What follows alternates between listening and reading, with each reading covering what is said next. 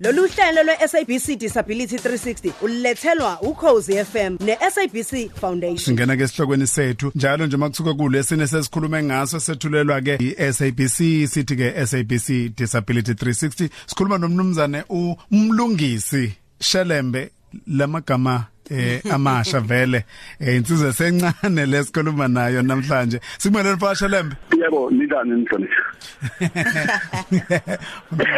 ufuna ukungikhatha nabahlonishwa ke ngiyaphila. Umsakazi ngiyaxolisa kakhulu umsakazi. Sibiza yena ngomhlonishwa.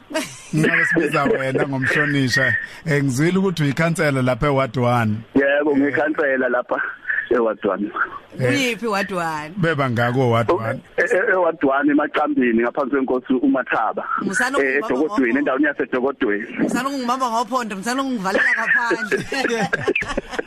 no em em mfaka mfaka shelembe si sithande kakhulu into esi esibonile lapha eh eniyenzile lapha na eh, emphakathini wasenqutshini. Ntombazanyana ekhubazekile usithembile manqele walapha yana eh, emanqakaza inhle into esibonile eniyenzile kuyena ukuthi ngosuku luka baba Nelson Mandela lokuzalwa kwakhe owenu 67 minute kuba ukuthi nizokwethula okuhle enikwenzele eh, umndeni nalentombazanyana ekhubazekile. Eh sixoxele mfethu.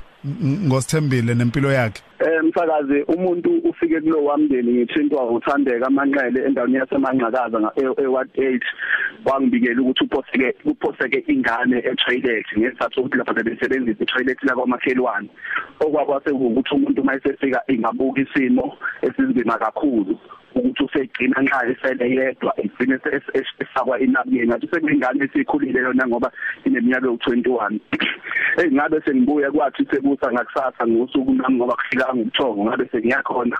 Ngafike ngabuka ukuthi ngenze njani ngasengi material kwasho ukuthi ke kwakunama kwakunojele ubabudlamini ngabe sengixhumana naye bangilekelela ngokuthola ngokuthola bazosakhela okuyiziboshwa zasemthunzini. Sabele sekwakhiwa eh ngenhlahla ke enkulu kunamalungu omphakathi ahlale eyimisele ukwenza ngoba kusiyona into ukuthi ukuqala isinto umsebenzi nje esiwenza mihla yonke. Sabe sifika khona lakhiwe toilet kwambi umgodi sometime sikhona no mavawa kwantombela ubaba sonke intuli mashibe encumayo kwambi umgodi kwakhiwa kwaphela. Uthe osukwini la izolo sabe sesifika ke khona ubaba makhosonke intuli wabe se enikela ngegeza ngenxa yokuthi wayesebuka ukuthi izogeza ngamanzi abandayo sabe sesifaka ishower senzela ukuthi endlini ikwazi ukuthi ukugeza ngamanzi ashisayo sayilungisela ngaso ukuthi ngoba ngoba umuntu osebenzisa i-wheelchair ongena ngayo senza ukuthi ekwazi ukuthi kube yinto amelana nayo i-toilet sibeke izolo bese sikuthula ngokusemthethweni othi ngikuzweke ngizwe kahle into ekhulumayo lana Shalem yes intombazane iye iye etoilet la kamakhelwane ekhaya bengenalo itoilet? Bebengenalo i-toilet. Ma toilet kanjani asetshenziswayo kuleyo ndawo? No i-toilet bekuyi i-toilet lomgodi kahle kahle kodwa ke kwase ukuthi ke lase lingasekho esimeni kwalona lelo toilet seligcwala. Base sibuka ukuthi selivalwa ngokhethe uma ukuze izingane zingadlaleli khona. Awuchazela umlaleli ngesimo sokukhubazeka kasithembile ngoba enye into besifisa ukukhuluma naye kodwa akuyena umuntu ongako esingakwazi ukukhuluma naye ngokwesimo sakhe. Chazela umlaleli ngokukhubazeka kwakhe. Usisi uzalwe ekhubazekile nje eh inyawo ayikwazi ukusebenza zihlangene. Kuzoba izingalo lezi enazo izandla angakwazi ukuyisebenzisa. Noma ekwazi ukukhuluma kodwa akakwazi ukukhuluma kahle.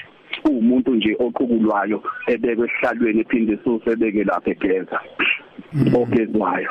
Lolu hlobo lo toilet ke senimakhele lona ngizwe uthi eh nimbe umgodi ngaphinde ngakuzwa futhi ukuthi nimakhele ishower i-toilet esimakhele lona simfakele endlini sathe kwathe ngisithi le toilet ngoba sasibuka negceke lakhona akakwazi umuntu ongakwazi ukuyiphushela i-wheelchair sabe sesilifaka endlini i-toilet. Sathe ngisithi kwalungiswa indaba indawo yokuthi ekwazi ukuthi egezele kahle la azobe egezela khona nxa kukhona wedinga i-toilet nala azokwazi ukuthi ehlambe khona izandla. kusho ukuthi niyafaka nifake lokho kuthiwa i-septic tank ngoba uma ngabe uthi umphakathi isebenzisa ama toilet omgodi kusho ukuthi yena nimenzela i-septic tank ukuze akwazi ukuthi mase gezile sesebenzisile i-toilet akwazi ukuflash.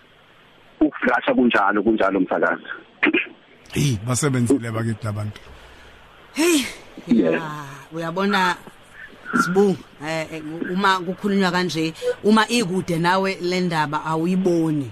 Uma ingekho emndenini wakho ingekho emphakathini wakho ingekho mhlambe kwamakhelwane eh ungaze uqala ukuyibona uma usuyibona iphakathi emndenini wakho. Kodwa uma kusuka umuntu ongahlobene kodwa thinteka angabulala ubuthongo abuke nje ukuthi konje ngingaleke obani la ngaya khona? Ukuthi nje abe nomcabango ukuthi awu ake ngiye lapha emthunzini eh ngoba thina seduze nasemthunzini ejele. Ke ngiyobuza ukuthi yikuphi abangangilekelela ngakho? Kuyasijabulisa uthe ubani umphathi wejele lapha ya? Umphathi wejele ubabudlamini ubabudlamini ophethe ubaba umthembu. uDlamini uyena osebenzele emthunzini kodwa umphathi wejele ubabudlamini ubaba umthembu osemthunzini ejele lasemthunzini mfethu siyabonga kakhulu umlungisi inhle kakhulu mfethu into esiyenza eniyenzile empilweni yalos yalos yalentombazanyana uthe ina 21 angithi? Ina 21 years. Siyabonga kakhulu. Mfethu usibongele kakhulu nakulabo osizane nabo umava Ntombela eh no nobaba Makhoso onke Ntuli umashibe Nxumalo omunye ngithi usho kanjalo?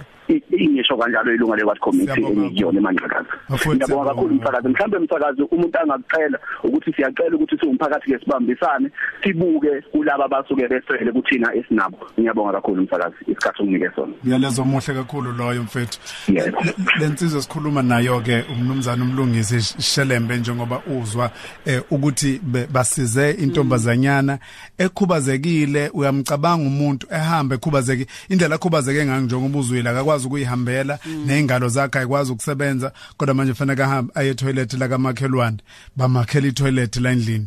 Hle kabi lento abayenzile lolu hlelo lwe SABC Disability 360 ubulethelwa ukhozi FM no SABC Foundation.